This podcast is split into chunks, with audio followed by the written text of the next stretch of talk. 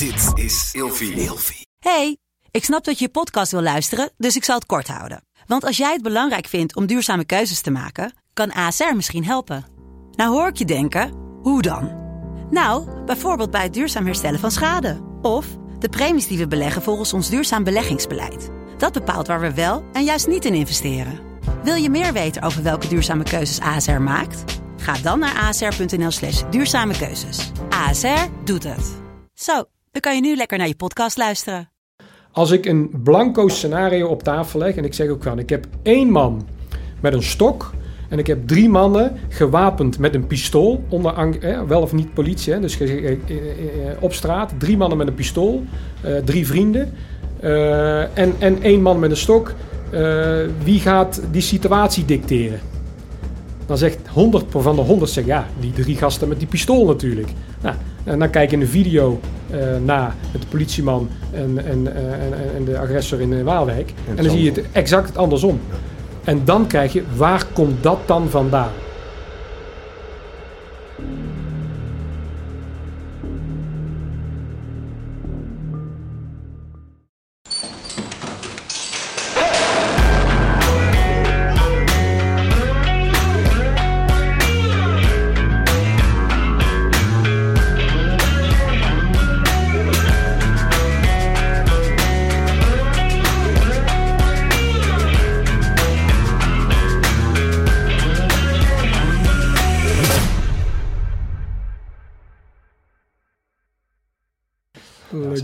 Zoiets. Jut en Jul, hè? Jut en Jul. Jongen, jongen, jongen. Scherpschutters tribunaal. maar het gaat rollen. Hè? Netjes geschoren, zie ik. Ja. Hoeft niet, hè? Kappertje geweest. Van de vrouw, hè? Van de vrouw. Anders komt het te agressief over. Helemaal kaal en geen stoppeltje. Dat is niet... Uh... Dan lopen ze om me heen. Ja, ja, dat kun je niet hebben, hè? Nee, nee. Beetje toegankelijk zijn. Zo is dat. Zo is dat. Zo is dat. Godverdomme, niet geïntimideerd. Ja, jij, jij bent niet snel geïntimideerd, dus dat scheelt. Maar je zit tegenover uh, twee scherpschutters. Zo is het. Ja. ja. We hebben er zin in. Het schot komt altijd als een verrassing, hè? Ik ben op de korrel. Ja. ja. We houden je in de gaten. Ja, we hebben je in de gaten. Hey, uh, scherpschutters, aflevering nummer drie. En onze allereerste gast. Ja. Dank u. Eer is aan mij. Fucking hell. Wel, uh, wel top dat je helemaal bent uh, afgereisd uh, richting Woerden. We gaan, we gaan even de aanval in, zoals ik op LinkedIn heb gezegd. En daar kregen we heel veel reacties op. Ja. Ehm, dus dat zegt wel iets um, over het onderwerp wat we vandaag gaan bespreken. Ik denk dat daar allerlei mensen zijn die er van, wat van vinden. Zometeen ehm, daar meer over. Ik wil heel even deze gelegenheid nemen om alle kijkers ook ja, aan te geven dat we super veel reacties hebben gehad. En dat wij alles uh, meekrijgen. Maar dat we uiteraard niet op alles uh, direct kunnen antwoorden. We zouden misschien ook um, een uh, soort extra QA een keertje kunnen doen. dat we dan gewoon specifieke vragen echt gaan beantwoorden. Voor dingen die niet in afleveringen terug gaan komen. Dus daar zullen jullie verder... ja, ziek worden doe je in je eigen tijd, hè? Ja, ja 24 uur ja. ben je hersteld, toch? Ja, als je iets ouder bent, wordt Kippensoepje. Ja. Onder de klamme lappen. Hey, we hebben een hoop uh, naast uh, Erwin, waar we zo meteen mee uh, gaan beginnen. We hebben een aantal andere gasten al bevestigd. de mannen van Arminius die komen hier. Die gaan meer vertellen over het selectie en instroommethodes om bij Defensie te komen. Hoe moet je nou trainen en hoe, ga je daarmee mee aan de bak? Boris Vos, een oude sergeant van mij, van wie ik eigenlijk een beetje het leiderschap ook wel geleerd heb. Hè. Je leert dingen op, in een opleiding. Maar Boris Vos was mijn eerste onderofficier bij, toen ik uh, pelotonscommandant was. En dat is heel erg belangrijk. Want als jonge leider, hè, ik was toen begin twintig, dan moet je leiding geven aan een hoop mensen. En dan moet je openstaan voor de input van de, van de mannen die het al lang weten. dus de, de oude onderofficieren binnen, binnen de mariniers, dat zijn de, dat zijn de mannen die de echte kennis hebben. De Nestor. En Boris was er zo eentje, daar heb ik heel veel van geleerd. Ehm, is, een, is een mooie vent. En hij zit inmiddels in Kenia.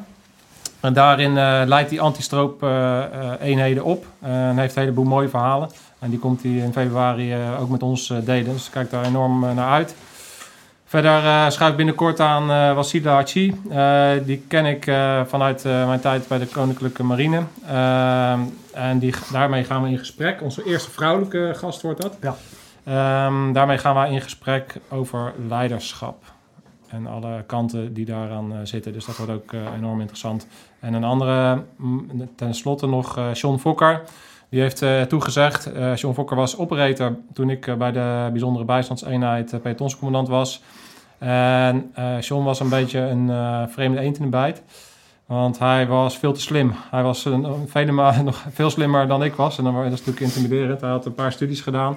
En als operator, niet, niet dat die gasten niet slim zijn. Ze zijn natuurlijk allemaal st- straatslim. Maar deze, was ook, deze gast was ook ges- gestudeerd slim, zeg maar. Had echt een paar studies gedaan. En, ehm, dat was wel bijzonder. En hij is inmiddels ook eh, in een hoge functie eh, als eh, eh, cybersecurity head of McAfee. En met hem ga ik in, gaan we in gesprek over de transitie van Special Forces naar, naar het corporate leven. En wat er Ja. allemaal bij komt kijken. Dus dat even een vogelvlucht wat we in ieder geval de komende aflevering gaan, gaan zien. Maar vandaag, godverdomme, zit hier eh, een autoriteit eh, tegenover ons. Wat ik heel erg mooi vind, is nu wij hier samenkomen, Jeroen eh, en ik en Erwin, ehm, is dat, dat onze verhalen eigenlijk onbewust al eerder Ja. gekruist hebben. Ja. Want ik ben dus getraind eind, ik denk dat dat ergens in 2010 is geweest of iets dergelijks. Maar toen kende ik jou niet. En Nee. dat is ook, en jouw naam is toen bij mij niet blijven hangen. Maar nu we het over hebben, ja, zijn we tot de conclusie gekomen dat tijdens een Skywave oefening... eh, dat jij samen met Wietse, eh, mijn eenheid en mij dus ook, eh, hebt getraind met geweld in een kleine ruimte en hoe je daarmee omgaat en, en daar ook je, jouw methodieken, waar we het vandaag ook over gaan hebben, toepast. En ehm, jouw naam deed ook al de ronde eh, bij, de, bij de eenheid. eh, dat jij in, in Amerika ehm, trainingen gaf. En daarbij ehm, ook mee hebt gelopen met, eh, met verschillende eenheden. Waaronder, waaronder SWATs. Nou, daar zou, zou je vast ook al wat meer Ja. over vertellen. Maar het is dus wel heel erg, heel erg leuk dat, dat we eigenlijk elkaar al eerder zijn tegengekomen. En dat we nu hier in gesprek gaan met elkaar. Dus eh, super tof dat je er bent. Eh, je bent niet alleen maar eh, interessant omdat jij een achtergrond hebt in, de, in het trainen van militaire eenheden. eh, maar ook omdat je de eerste CrossFit, Nederlandse CrossFit-atleet bent die de, de CrossFit Games eh, heeft gehaald. Europese, Europese. volgens mij ook niet. Ja, dat klopt. Want Europese. toen was het inderdaad eh, het, eh, 19, nee, 18 Amerikaanse vlaggetjes, Ja. één Australiër en, en ik. Ja. Zij de gek. Ja, Ja. oké. 2013. Ja. Ja, dus dat, dat, dat, dat zegt wel wat. Je was er vroeg bij en je bent een, eh, een oeratleet. en eh, je hebt een, ehm, een basis binnen, binnen de, judo en de thai-boksen. Eh, Ja. Zeg ik dat goed? Ja, ja. En eh, daarin ben je dus eh, door, doorgegroeid en heb je die eh, ervaring eh, binnen de eh, trainingswereld gedaan. En jouw CrossFit-box staat ook enorm hoog aangeschreven. Ik kreeg van alle kanten vanuit mijn netwerk van... eh ook komt Erwin langs. eh, ja, die heeft eh, enorm eh, inspirerende box en geeft gave trainingen. Dus ehm, daar, willen we ook, doen. daar willen we ook alles over, over weten. Ja, En jij, jij eh, deze... Ja, fucking hell. Ik, eh, de- ik, eh, ik kan eh, zeggen dat ik de baas ben geweest van deze baas. Oh ja, dat waren nog eens slechte hell, Dat tijden. waren slechte tijden. Ja, toen kwam ik. Nee, ik heb Erwin leren kennen eh, toen ik eh, naar de politieacademie ging om daar eh, de AT-opleiding te geven. En eh, ja, toen kwam er uit het land kwamen hele slechte geluiden, want er waren toch wel lui binnen het opleidingskader die eh, geen ervaring hadden met, eh, met het AT-werk. En eh, ik zelf ken dat gevoel ook, van ja, eh, wat, wat komen die lui ons vertellen? Wij, eh, wij kunnen alles. En eh, toen kwam ik eh, een aantal andere mensen tegen, onder andere bij het Corps Mariniers ha- hadden gezeten. eh, eh, Erwin, eh Wietse, eh, Art, eh Sjors. waren allemaal mensen die, eh, die niet bij een AT eh, hadden gewerkt. Maar een ieder vanuit hun eigen achtergrond hele zinvolle en waardevolle invulling gaven aan de AT-opleiding. En dat werd, werd, op die, werd niet altijd even gewaardeerd. Hoe heb jij dat ervaren? Dat waren roerige tijden. Roerige tijden, Ja. fucking hell. Dat kun je wel ja. stellen, ja. Ja, dat is wel- ja. Ik heb op de politieacademie natuurlijk eh, een jaar of zes rondgelopen. Zes, zeven totaal. En eh, begonnen als IBT-docent, dus het opleiden van IBT-docenten met mijn eh, achtergrond vanuit de sportacademie en Mhm. de topsport. Toen naar de Marge C gegaan, daar mijn poli- politiediploma gehaald. En toen werd ik eigenlijk gevraagd bij de politieacademie om te solliciteren om IBT-docent op te leiden. En toen ik daar een jaar of anderhalf, twee rondliep, vroeg het AT mij om mijn specialisme te brengen in de AT-opleiding. En toen werd ik later ook gevraagd door de toenmalige directeur nog. Die ken jij nog wel. Ik zal hem niet bij naam noemen. Nee, hoeft niet. Waar, eh, om, om de AT-opleiding is eh, zeg maar te doorlichten als je er vanuit een ander perspectief naar kijkt. Nou, dat heb ik gedaan, maar eh, nou goed, daar, daar, zijn ook, daar heb ik zelf ook heel veel fouten gemaakt, want je springt er als jonge hond eigenlijk in, in een wereld Ja. Waar eh, natuurlijk, die bestaat uit eh alfamannetjes. En ik ben er zelf ook niet vies van.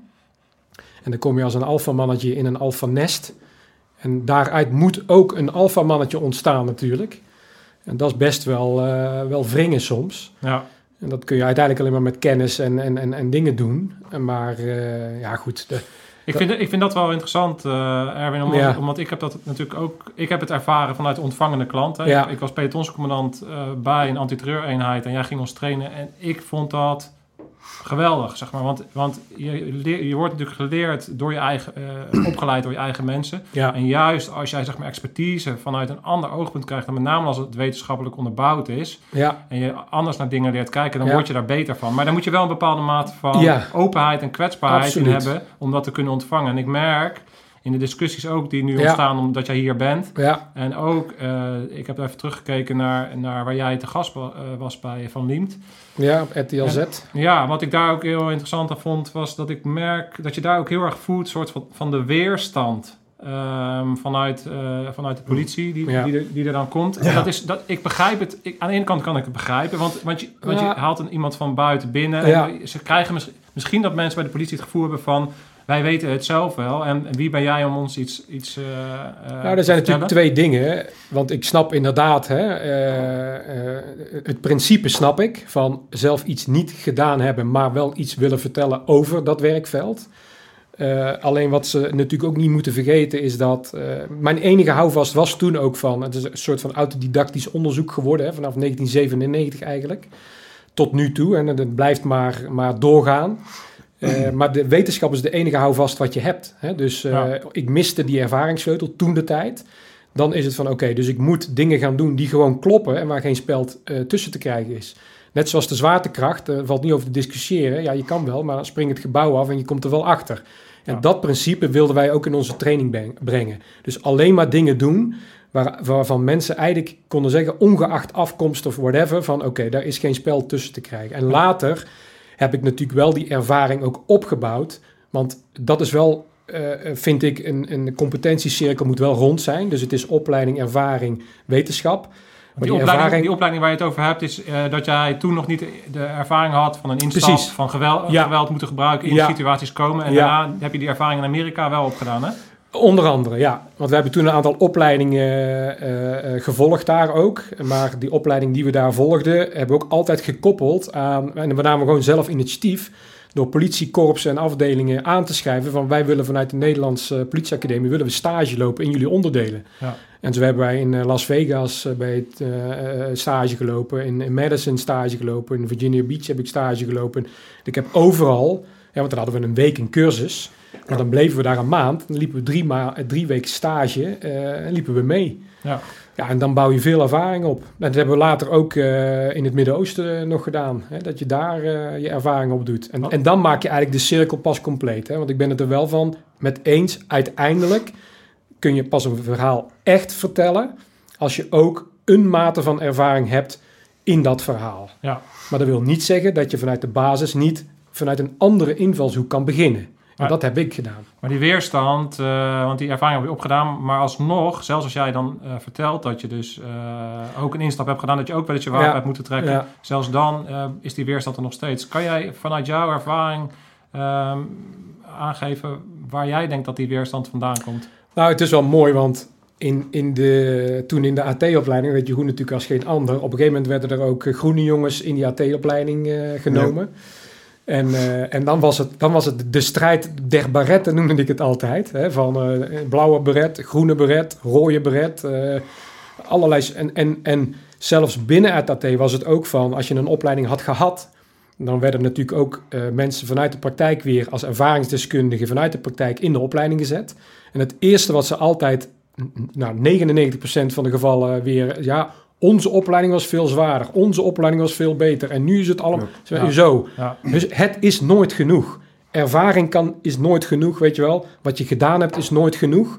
Dus het enige wat je kan doen, eh, is eigenlijk je committen tot een bepaalde kwaliteit die je hebt. En die gewoon zo goed maken dat er uiteindelijk geen spel tussen te krijgen is. En dan, en dan komt die, autori, eh, autoriteit op dat gebied, word je dan, nou niet vanzelf, hè, maar, maar die, die gaat dan groeien. Ja.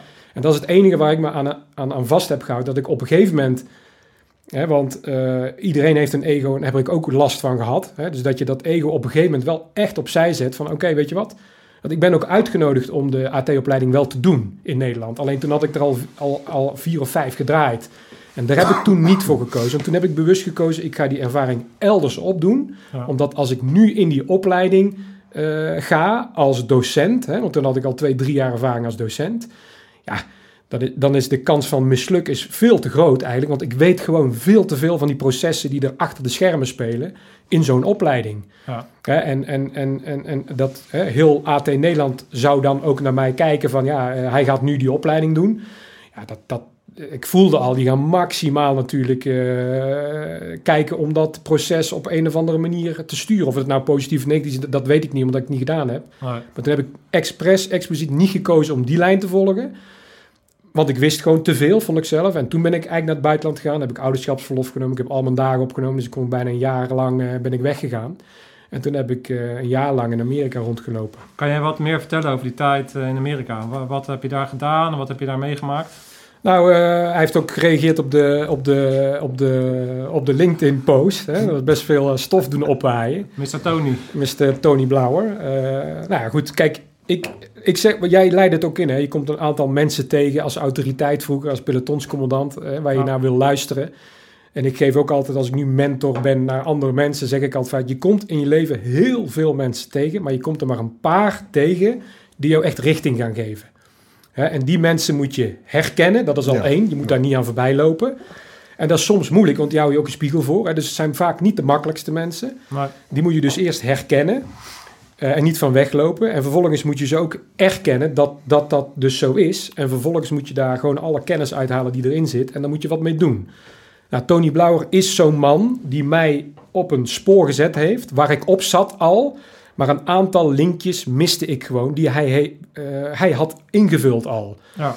En eh, dus ik heb eh, al zijn cursussen die er toen waren, heb ik, eh, hebben wij toen gevolgd. En dat zijn nou ja, een stuk of 10, 12. Want is, is zijn training onderbouwd vanuit dezelfde wetenschappelijke bronnen waar jij het over hebt? In, in de basis wel, ja. Dus, dus zijn training, dan praten we over geweld in de allerhoogste vorm, zeg maar. Hè? Dus het, en, en dat is eigenlijk de trainingsmethodiek die hetzelfde is. Hij draaide en wij ook. En dat deden we al, want ik heb ook beelden voor zijn tijd dat ik zo bezig was. Alleen hij had puzzeltjes gelegd die ik toen nog niet gelegd had. Eh, maar bijvoorbeeld, de, eh, wij gaan altijd uit eh, zeg maar op het gebied van cognitiviteit en tactische trainingen op, onder controle zijn. Ja. Dus je traint dingen vanuit de controle.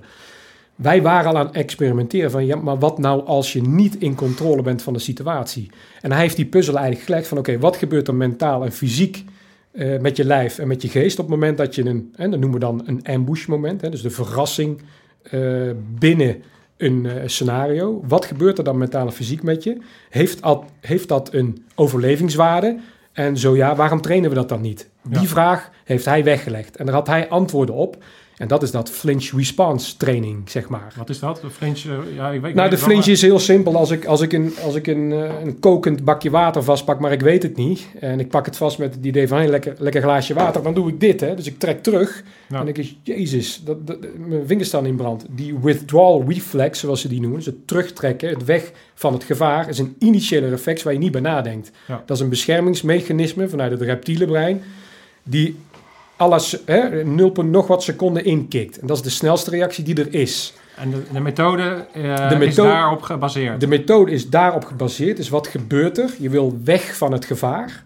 Vervolgens wil ieder mens het gevaar in eerste instantie van zich wegduwen. En dat, daarmee moeten we een tactische omschakeling gaan doen. Ja, dat is eigenlijk het idee van die training. En dat heeft hij in principe als puzzel in eerste instantie in elkaar gezet. Wat wij daarop gestapeld hebben is een onderwijssysteem eigenlijk. Ja. Ik bedoel, hij had niet de ervaring van bijvoorbeeld live fire programma's.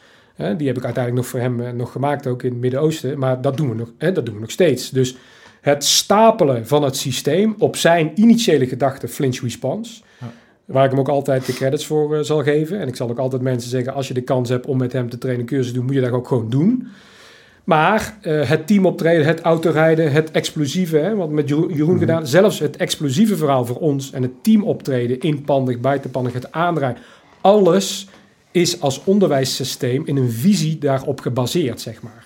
Kan, je, kan jij eens eh, de link leggen tussen fight en freeze en, eh, en de flinch-reactie? En, Ja, dat, dat is eigenlijk heel simpel, want de, de fight, flight of freeze syndroom zit er eigenlijk na de initiële respons. Ja. Ja, dus Eigenlijk wil iedereen vluchten. Ja, dus, dus dat loslaten van een, van een, Dat van een, van een boilend, hè, van een eh, kokend bakje water. dan zul je niet zeggen van de ene bevriest en houdt het water vast. Nee, dat kan helemaal niet. De ene doet dit. Iedereen doet dat. Vervolgens, en dat is dan zeg maar de tactiek erachter, is hoe zet je die reactie om? Want dat is ook een misvatting. Wij willen die reflex niet wegnemen, want je wil die reflex eigenlijk initieel juist Gebruiken. gebruiken. Hè? Want er is heel veel potentiële energie Ja. die je gebruikt. Je hoeft hem alleen in de juiste richting terug te brengen. Maar is het zo dan dat, eh, want eh, dat fi- fight, eh, flight of freeze, dat, is, eh, Komt eigenlijk daarna. dat komt daarna. Maar is het dan ook zo dat de ene mens is wel meer geneigd Ja, naar daarna in het gevecht te gaan, de andere is geneigd Ja. om te bevriezen? Ja. Kan je, wat kan je daaraan doen als jij een bepaalde mate hebt van, nou, dat zo is het? ja, Kan je daar volgens met training, kan je daar iets in, be- in Ja. beïnvloeden? ja, ja, dat kun je zeker beïnvloeden. Om het verhaal van het bakje water even af te maken, is dat initieel is, is, is de reactie weg van het gevaar. En vervolgens zit ik hier, stel dat het nu gebeurde, weet je wel, zit ik hier voor die camera, zit ik, Jezus Christus. En dan duurt het bijvoorbeeld 10, 20 seconden. En dan kijk ik naar mijn vingers, dan komen die blaren op. En dan zeg ik tegen jou, weet je wat, ik moet denk ik toch even gaan koelen. Snap je? Ja. Die initiële reflex heeft mij gered van eh severe eh, verbranding, zeg maar. Eh, maar de reactie vervolgens om te koelen duurde heel lang, relatief. Ja. Dus wat je initieel met die flinch response training wil doen, is een veel snellere tactische reactie. Dus op het moment dat ik dit doe, kijk, eigenlijk is dit, die afstand is helemaal niet nodig. Nee. Dit zou genoeg zijn, deze afstand. Dus op het moment dat ik die reactie van hier naar hier kan brengen, oh, ik ga even koelen. Ja. Is dat een hele snelle reactie. De reflex neem ik niet weg, maar ik heb heel snel een initiële reactie omgezet in een tactisch handelen. Ja. En dat is eigenlijk de essentie van Tony Blauw's fringe response. En wij hebben dat zeg maar helemaal aangekleed met een onderwijssysteem. Ja, want als ik het eh, terugbreng naar het antiterreurwerk of bij de arrestatieteams, eigenlijk het enige eh, wat je doet is je brengt bepaalde skills op een bepaald niveau, waarbij je eigenlijk tegen je, je natuurlijke eh, eh, reactie ingaat. Namelijk, je gaat naar het, ge- naar het Nee, gevecht toe. niet. Nee, Ja. het is- nou ja, Kijk, Het, het is eh, wat, wat ik, wat ik ehm, eh, toen ik Erwin leerde kennen, ehm, wat voor mij eigenlijk direct duidelijk werd eh, toen mij ehm, zeg maar duidelijk werd wat, wat, wat dit inhield, was dit is eigenlijk de missing link in training. mhm, Dit moet zeg maar de basis zijn van, van, van, van training. Hier moet je beginnen. En als je het hebt over eh, combinatie naar Special Forces, AT, eh, eh, dat soort eenheden, ehm, is dit iets wat je in moet brengen om alles aan op te hangen. En niet om het te veranderen, maar aan op te hangen. nou, wij, wij kregen natuurlijk binnen AT's te horen van, ja, een AT'er schrikt niet. Weet je wel, die heeft geen... Dat is, bullshit. Precies. Ja. Hè, dus ergens stopt het treintje als je naar binnen gaat door Kijk, kijk een moment. nou, wat ik interessant is, vind, dat, dat bijvoorbeeld de GGN, eh, die dan eh, bij die supermarkt, Ja, heel duidelijk een mega flinch-reactie. Ja. Ja. En vervolgens gaat die schildman in zijn eentje Ja. naar binnen. Nou, om je een voorbeeld te geven daarin dus, zeg maar het onderwijssysteem wat we opgebouwd hebben, is, is zelfs dat corporate in een crisis, dan, dan flincht een hele organisatie, flincht, snap je? Ja. Dus je kunt dat principe van een fysieke flinch kun je naar mentaal trekken, maar dan kun je ook naar een, naar een hele overheid of een heel eh, eh, eh, corporate sectie van wat gebeurt er nou in een crisismoment met je organisatie. Ja, dat is niet anders dan heel die organisatie flincht, maar hoe sneller je die initiële reactie eh, weg kan nemen of weg kan nemen, kan verkorten om te gebruiken die energie om de juiste richting in te sturen, dat is wat wij doen. Ja. Nou, in feite doen we, doen we, we dat hè, met, met, met heel veel eh, trainingen eh, doen we dat. Hè. Wij geven dan teambuilding trainingen. En daarin eh, gebruiken we het, de, eh, het stuk gereedschap van, eh van Hellshooter om mensen in een bepaalde spanning te brengen. Ja, En die spanning maakt dat mensen heel primair reageren. Ja. En die primaire reactie eh, duidelijk maken, mensen, zich be- mensen bewust maken van hun primaire reactie onder spanning, ja, zorgt ervoor dat ze daar veel beter mee om kunnen gaan. ja. Dus als we dat nou eens koppelen aan eh, de vraag wat is geweld? En hoe bereid je je daarop voor? Hè? Ja. Dat is een vraag die we veel hebben eh, eh, gekregen naar aanleiding van onze eerste twee podcasts. Hoe kan ik mezelf nou voorbereiden op gaan naar een AT, naar een Special Forces of op een grote uitdaging op Ja. een fysieke en mentale manier? Wat zou jouw antwoord zijn? En een beetje dan gekoppeld aan eh, de structuur waar we nu binnen eh, aan het praten zijn. Namelijk een primaire reactie daarop. Ja, precies. Dus eh, ik zei het vanmorgen al onder een bakje koffie natuurlijk. Hè. We moeten eigenlijk een... eh, kijk, de eerste stap is eigenlijk een ander perspectief geven op het gebied van geweld. Dus eh, eigenlijk, en dat, dat zie je al wel meer in social media natuurlijk, van we leven in de meest vredelievende tijd ooit.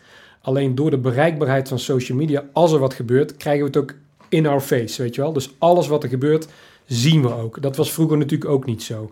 Maar als we heel simpel terug gaan, we hebben het net over gehad, in de jaren tachtig, weet je wel, was de terreur vele malen groter dan nu. Ja. Ik zei net nog, ik zat eh, van de week, eh, vorige week met een collega in de auto en zei ik, joh, Google is de, de tien meest verschrikkelijke dic- dictators in de wereld. Dan krijg je een lijstje, nou, dan, dat, en dan kijk je terug naar de geschiedenis en denk je, jezus. Maar in die geschiedenis is er heel wat gebeurd op het gebied van geweld. En nu eigenlijk zie je dat we in de meest vredelievende tijd leven. Dus dat biedt al een beetje perspectief. Dan kun je ook nog steeds zeggen, ja, maar het gebeurt wel. Dat klopt.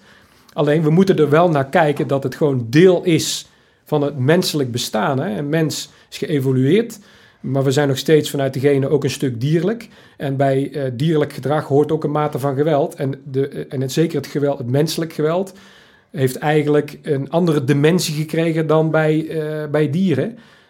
Wat verder gaat dan alleen maar overleven. En dat heeft met ego en trots te maken natuurlijk.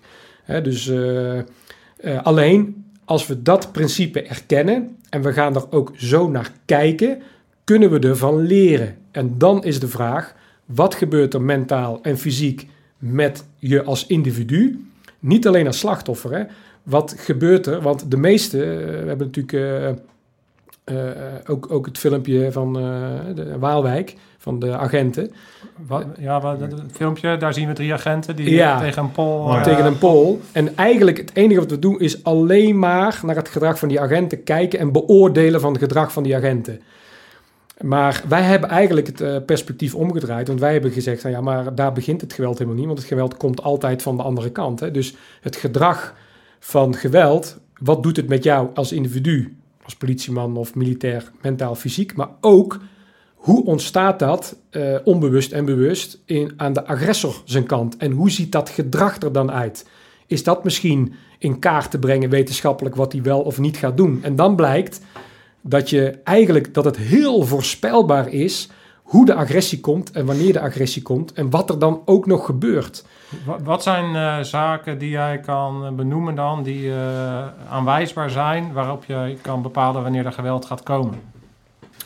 Ja, vaak, vaak zie je ehm, wat je ziet in. ehm, ja, laten we zo. Kijk, je moet. Als, de agressor, als je de agressor bestudeert, dan zie je dat er altijd beweging is voordat er een aanval komt. Hè, dus eh, de mythe van. eh, zeg maar. Het geweld ontstaat uit het niets. Dat is ook echt een mythe, want dat, dat kan namelijk niet. Want het is geen, we, hebben geen, we hebben geen ninjas die uit, het, uit de rook komen en in één keer voor je staan en een, een klap uitdelen of een mes pakken. Ja. Dus het, het meest sprekende voorbeeld is natuurlijk dat geweld ontstaat. Eh, en dat is ook het perspectief vanuit we kijken. eh, waar gaat het fout? Daar leggen we een loop op. Maar dan kijken we altijd wat gebeurde voordat dit gebeurde. En wat gebeurde voordat dit gebeurde. En wat gebeurde voordat dit gebeurde. Ja. Dus dat betekent dat je zeg maar met een loop op de ambush, hè, op dat verrassingsmoment ga je kijken. En vervolgens ga je terug uitzoomen eh, over wat daar nou eigenlijk gebeurd is. En dan blijkt dat er heel veel, zeg maar, lichaamstaal, eh, manier van kijken eh, gebeurt voordat überhaupt dat geweld ontstaat. En dat zie je ook in het filmpje met de drie agenten met, eh, met de man natuurlijk Dus terug. eigenlijk, eigenlijk zeg jij dat eh, met bepaalde kennis dat je al kan ingrijpen voordat een situatie zich escaleert? Ja, en dat is niks nieuws, want dat roepen ook onderzoeken, onderzoekers die aan de, aan de politieacademie verbonden zijn, als een, bijvoorbeeld een Jaap Timmer. Hè, of een, eh hoe heet die andere onderzoeker? eh, Peter Renden? nee, ja, ook. Ehm, ja, die hebben onderzoek naar eh, ons onderwijssysteem uiteindelijk natuurlijk gedaan. Eh, maar in ieder geval, er zijn meerdere onderzoekers die zeggen... eigenlijk moet een politieman eh, veel eerder ingrijpen. Hè? En door, als jij dingen ziet waarop je acteert... dan ben je de leidende rol hè, in, het, in het verhaal. En je ziet toch dat de huidige training altijd... want als je het filmpje analyseert... dan zie je eigenlijk de mismatch tussen de trainer die er toch is... en wat daar gebeurt. Dus je, ziet dat ze achterwaarts georiënteerd zijn... Eh, en op het moment dat je fysiek en mentaal achterwaarts georiënteerd bent, loop je dus letterlijk achter de feiten aan ook.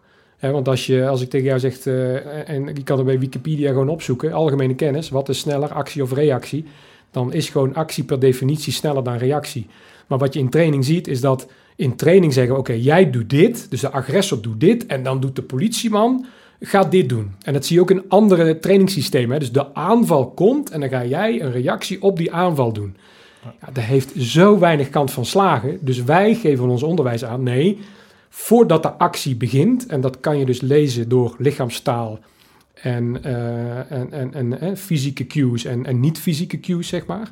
Daarop moet jij al acteren. Maar waardoor de, eh, zeg maar het subsidiariteits- en proportionaliteitsbeginsel ook veel beter gehandhaafd kan worden dan dat dat nu gebeurt vaak. Want het escaleert juist omdat mensen te laat ingrijpen. En te vroeg ingrijpen wil niet zeggen, want daar zijn we ook nog wel eens van beschuldigd. Van eh, ja, iedereen moet maar voor. Nee, voorwaarts gaan betekent niet alleen fysiek voorwaarts gaan, maar betekent met name mentaal voorwaarts gaan. Dus nadenken over de situatie. En die processen gaan natuurlijk steeds sneller als je dat de juiste manier van training aan koppelt. En daardoor vaak ook fysiek voorwaarts gaan uiteindelijk.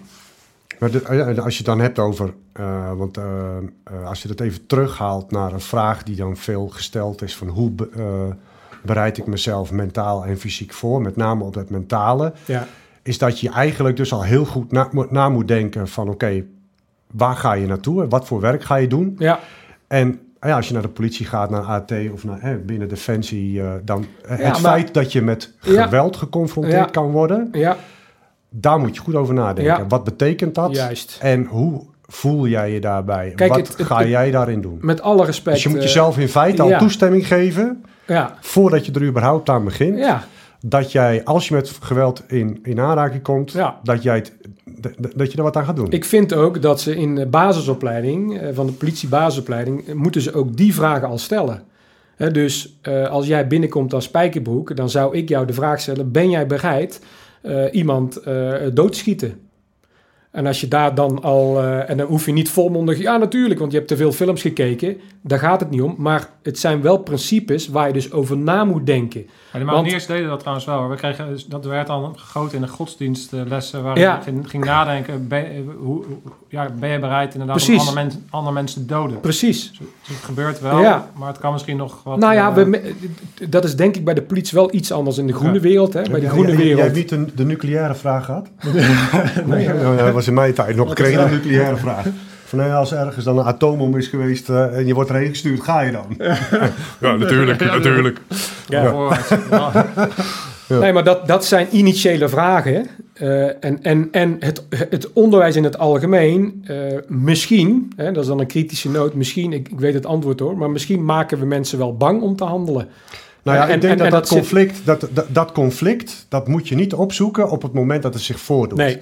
Dus in feite moet je voor jezelf al het antwoord hebben gegeven. Je moet jezelf toestemming hebben gegeven dat je geweld gaat gebruiken Ja. eh, op het moment dat het nodig is. En, ik, denk ook- dat, ik denk dat je dat ook heel vaak ziet. Ja, kijk, dat en mensen heel veel eigenlijk het conflict met zichzelf hebben van ja, maar eh, moet Nee, ik wel zo ja, ver gaan? En, en heel, veel, heel veel komen er dus daar pas achter, ook in de praktijk. Want zelfs als ze die vraag wel stellen en jouw antwoord is ja, moet nog maar blijken of dat ja is, hè? Mhm. Want vaak denk je, ja, maar ik zou dit en ik zou dat. Nou, wij gaven altijd aan, ik zou dit, ik zou dat. Ik pretendeer dat ook niet. Ik zeg eh, continu van, nou, ik hoop dat ik me zo goed heb voorbereid in mijn training, dat dat elke keer terugkomt in die, in die praktijk. En dat hoop ik dan maar. En, en dat is wat je kan doen. En je hebt een aantal dingen meegemaakt, dus je weet ongeveer wat je... Maar je, elke keer is weer een nieuwe situatie en kunnen er weer andere dingen gebeuren. En daar bereid je je op voor. Ja, En daarom moet dat- Iets wat je aangeeft, dat eh, triggert mij een beetje, omdat je zegt van ja, ze zijn, eh, dat ze bang worden om te handelen. En ik, als ik dat filmpje zie, hè, en ik, ik snap dat het vanaf de zijde en allemaal heel makkelijk analyseren is. Ik wil absoluut niet eh, ehm, zeggen alsof wij er alles vanaf weten. Nee, nee. Maar ik heb soms een beetje het gevoel van, want je noemde ook het, de, de beginselen, de, de, de, de, Subsidiariteit, proportioneel. de- dus dat is dat je zoveel geweld mag Ja. gebruiken om je doel te bereiken, niet meer of minder dan dat. Ah, kijk, In principe, maar wat, wat, ik, wat, wat mijn punt is en mijn vraag eigenlijk is van... soms heb ik het gevoel van... worden politieagenten niet te bang gemaakt eh, om te handelen? Omdat, er natuurlijk, omdat ze eh, vaak meer als eh, schuldigen in de, in, de, in, de recht, in, de, in de zittingen worden eh, neergezet... Ja. dan dat zij in eerste instantie als onschuldig worden gezien. ja. Heb ik vaak het gevoel dat dat wordt omgedraaid. En ik kan me voorstellen dat politieagenten daardoor bang worden om te handelen. Ja, dat zeker weten. Kijk, en, en, en het is. Kijk, ik, ik wil natuurlijk niet dat er meer geweld wordt gebruikt. Hè? Of daar ben ik helemaal niet voor. Maar eh, wij zijn er wel voor om gewoon ge- geweld veel beter beheersbaar te maken. Kijk, en ik blijf erbij dat, eh, dat kwaliteit, kwaliteit van trainen en dus een politieman op straat en dus een, een operator in de, in de field, zeg maar, is veel belangrijker dan het aantal operators of politiemannen op straat. Ja, want in principe, als ik een blanco scenario op tafel leg en ik zeg ook van, ik heb één man met een stok en ik heb drie mannen gewapend met een pistool, onder, wel of niet politie, hè, dus eh, eh, eh, op straat, drie mannen met een pistool, drie vrienden en, en één man met een stok. Wie gaat die situatie dicteren? Dan zegt 100 van de 100 zegt ja, die drie gasten met die pistool natuurlijk. Nou, en dan kijk je in de video eh, na met de politieman en, en, eh, en, en de agressor in eh, Waalwijk. En, dan zie je het exact het andersom. Ja. En dan krijg je, waar komt dat dan vandaan? Hè? En dat kun je alleen. En ik neem het die politiemensen ook niet kwalijk, maar wat ik wel kwalijk neem, is mezelf dus als onderwijsmaker en als deel van, eh, hè, dat was ik toen, maar ik voel me nog steeds betrokken en ik wil dat nog steeds veranderen. Ik denk, ja, maar als dit gebeurt, hoe kunnen we naar dat filmpje kijken zonder te beoordelen, maar wel te analyseren wat daar gebeurt en hoe we daar dus beter van kunnen komen. En dan zie je gewoon de mismatch van de training. Want je ziet gewoon letterlijk de training terugkomen die ze gehad hebben, wat een negatief effect heeft op de situatie. Ja, en want dan wil- is het zorgelijk. Ja. Want wat, wat, wat ik benieuwd, want je noemt dus het eh, stress of eh, de, de aanleiding herkennen eerder in een eerder stadium, dat is één. Maar vervolgens, als, als het geweld dan eenmaal wordt toegepast, dan gaan ze dus eh, vervolgens inderdaad op, op hun drills eh, terugvallen. Ja. Eh, Ik heb in, eh, kan je daar een onderscheid in maken tussen, oké, eh, stel je hebt dus het geweld niet eh, herkend en het geweld wordt toegepast. Vervolgens sta je dus eigenlijk in de, in de reactie. Wat, wat, Ja, is- wat, maar je wat ziet dat een aantal dingen ook gewoon absoluut niet werken. Nee, maar je zit- terug op een wapenstok. Ik weet niet of het die, die nieuwe was, weet je wel, die eh, zo lekker zwiept. eh, dat weet ik niet. Maar er worden met die stokken een paar eh fikse klappen uitgedeeld. nee, maar je, je merkt... En, en, en het, Kijk- het heeft, dat heeft dus geen zin. nee, Dat is één. Er wordt ook pepperspray gebruikt. Ook dat heeft geen zin. Dus nee er maar ze zijn, middelen. ze zijn ook verbaasd dat het niet werkt, bij wijze van. Omdat ze in training is het tik en dan is het natuurlijk vrij eh, klaar in training. Het is De weer pep- onverwacht. de Ze pep- komen weer voor onverwachte situaties. Ja, maar keer op keer. En dat geeft niks, want je ziet eigenlijk nog steeds, heb je nog steeds tijd en ruimte om daar wel te adapteren. Snap je? Dus als ik het hoe eerder ik het zie, hoe makkelijker. Maar hoe later ik het zie, ben ik er nog steeds op voorbereid als ik de juiste training heb gehad. Hoe- Dus dat, Oh. hè, dus dat betekent op het moment dat wij... Kijk, wij zeggen altijd de afstand waarin die politiemannen stonden ten opzichte van de agressor... is wat wij noemen de dead zone. Daarin gaat alles mis. Er is maar één, eigenlijk twee veilige afstanden. Dat is of echt weg... Maar ja, dat kan niet in die situatie, want je bent politieman. Of het is dus heel dichtbij. En je ziet ook, hij heeft de kans om eh, die auto kapot te slaan. En, en dan lopen nog wat mensen door. Hij zou zomaar, het had aan alle kanten natuurlijk veel erger gekund. Waarom wordt het niet erger? Niet door het optreden aan zich, maar Nee, door doordat de agressor er niet voor gekozen heeft om dermate geweld te gebruiken, dat er echt letsel eh, kwam. Snap je? Want dan loopt volgens mij nog een oude man met een rollator in beeld en er komt nog iemand in beeld. En, eh, het zou zomaar gericht kunnen zijn op die mensen. Dus ik denk dat er iedereen mee eens is van ja, eerder ingrijpen was gewenst geweest. Ja, nee. Alleen als je dat die mensen niet leert, en dat kan heel simpel, hè? want ik heb in 2002 volgens mij al een keer een workshop gedaan van als ik, als ik een agressor probeer te immobiliseren, en het is heel makkelijk, zeker met drie mensen, om zo'n eh, om zo'n man gewoon klem tegen de auto te lopen, bij wijze van, en te duwen. Wat willen we instinctief doen? Is het gevaar wegduwen. Laten we dat dan ook tactisch doen, waardoor je ook geen trucjes hoeft te doen. Snap je? Dus de traditionele opbrenggrepen en de technieken, en, en, en internet staat natuurlijk vol van, zullen in eerste instantie niet werken in de praktijk. Hè, want eh, dan, heb je al, dan moet je eigenlijk met een soort van eh, agressor die op eh, drie weken op hongerstaking is geweest, weet je wel. Ja, dan werkt het. Maar iemand die echt de knop omzet en die jou van je leven wil beroven of zwaar wil mishandelen, ja, dan werkt een greepje niet meer. En dan kun je wel zeggen van ja, maar dan doen we dat daar in die situatie en dan doen we iets anders in een andere situatie. Dat werkt dus ook niet. Dus je moet iets hebben wat eigenlijk altijd werkt en wat heel simpel is en wat aansluit bij een in- initiële reactie. En dat is het wegduwen van het gevaar. Dus het fixeren, immobiliseren van die man tegen een auto, voorwaarts gaan, handen controleren en vanuit die fixatie de rust brengen om uiteindelijk echt controle over die situatie te hebben en dan zo'n eh, man af te boeien. Ja, want jij, jij hebt ook wel eens een uitgesproken mening over alle middelen die politieagenten inmiddels hebben. Eh, zou je ook kunnen stellen dat in dat geval, wat jij noemt, hè, dan- je leert eigenlijk een simpele techniek die ge- gebaseerd is op de flinchreactie. En daardoor kan je, ook in die situatie dat het echt lastig wordt, kan je Ja. makkelijk reageren.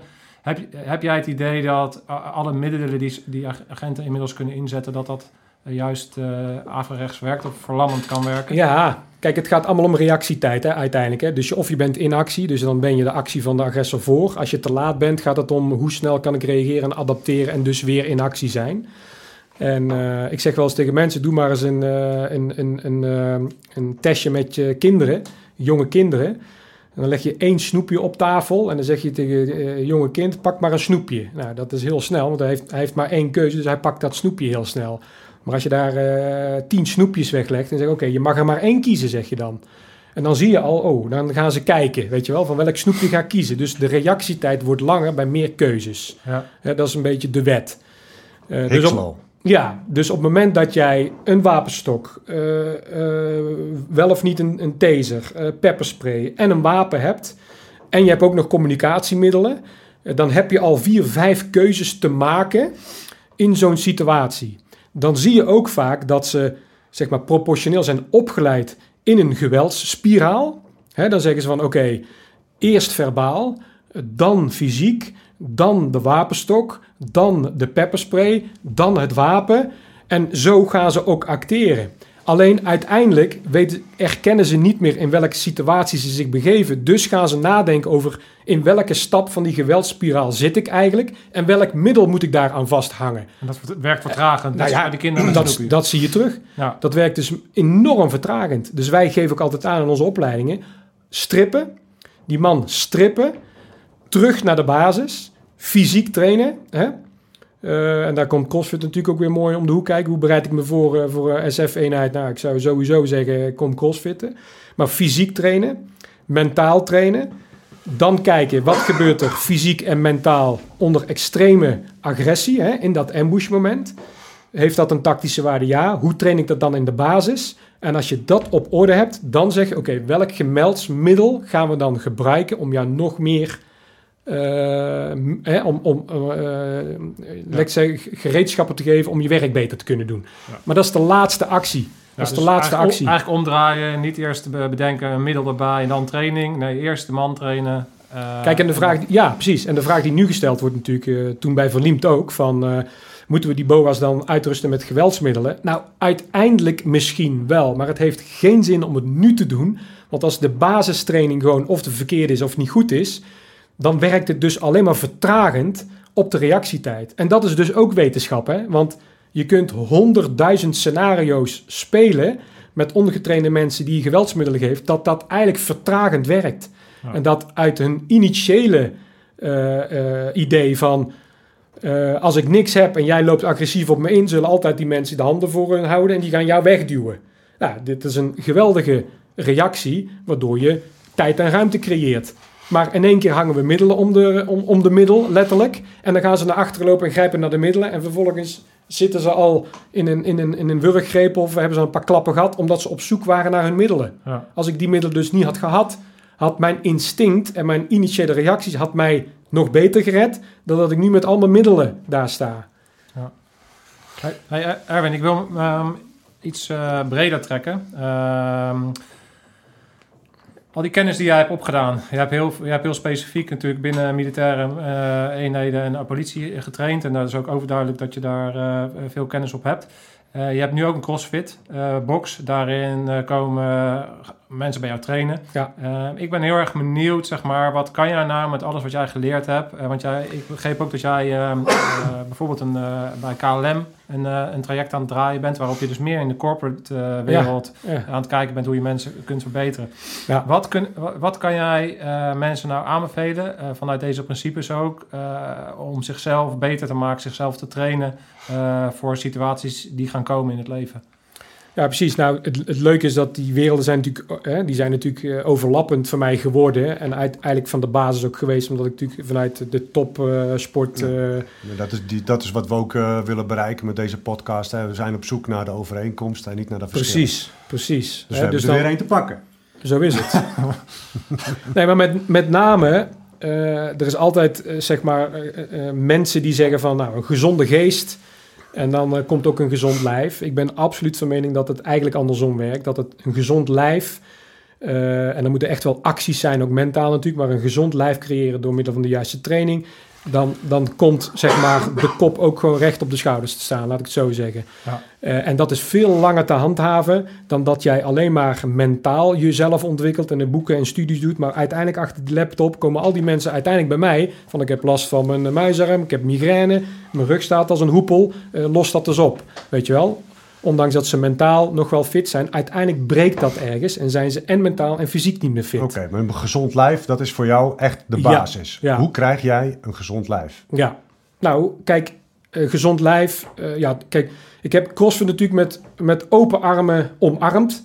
Maar eigenlijk kwam ik er toen ook ik kan me achter. dat nog herinneren, maar ik ging hier van die, van die, van die eh, ronde nootjes, hoe heet die, eh, die eh, shit ook alweer? Macadamiums? Die ma- macadamia nootjes, en had je afgewogen, lagen er precies zoveel die mocht.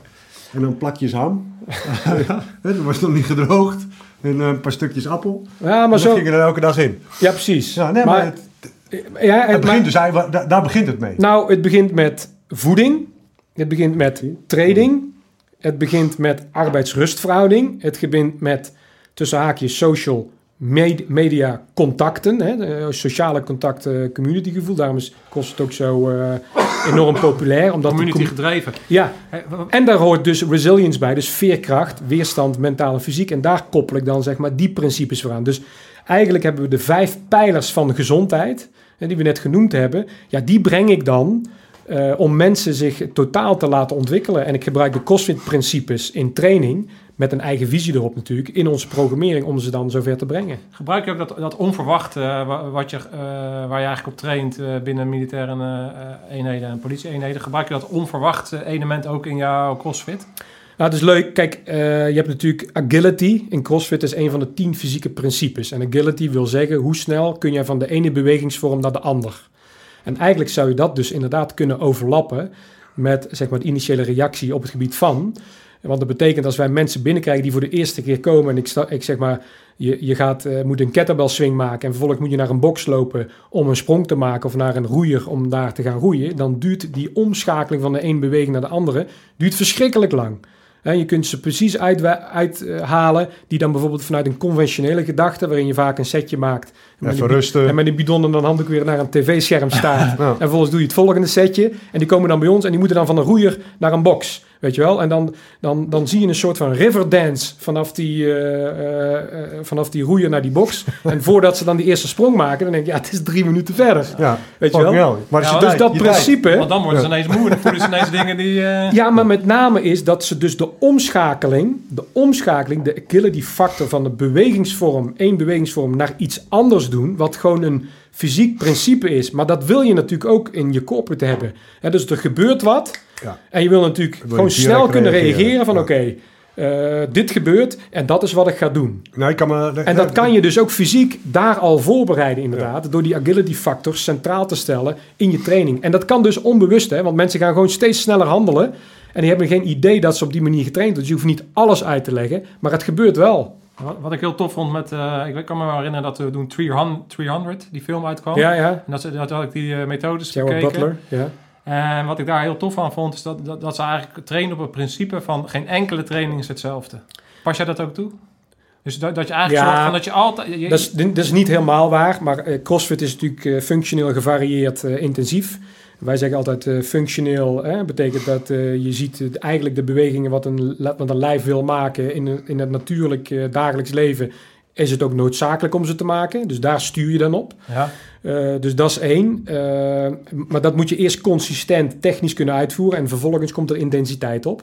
En dan komt daar overheen een programmering. En die programmering is nooit random. Hè? Dus, en dat gebeurt natuurlijk wel veel. En dat, dat is ook een beetje eh, de, de, de makke soms van CrossFit. Is dat, eh, dat het geen programmering meer is, maar dat het random wordt. En dat moet niet. Hè? Je moet wel een visie hebben van oké, Ja, ja. je moet wel stappen maken. En dan kun je heel veel variaties, juiste repverdeling, juiste kilo's, alles moet wel een beetje kloppen.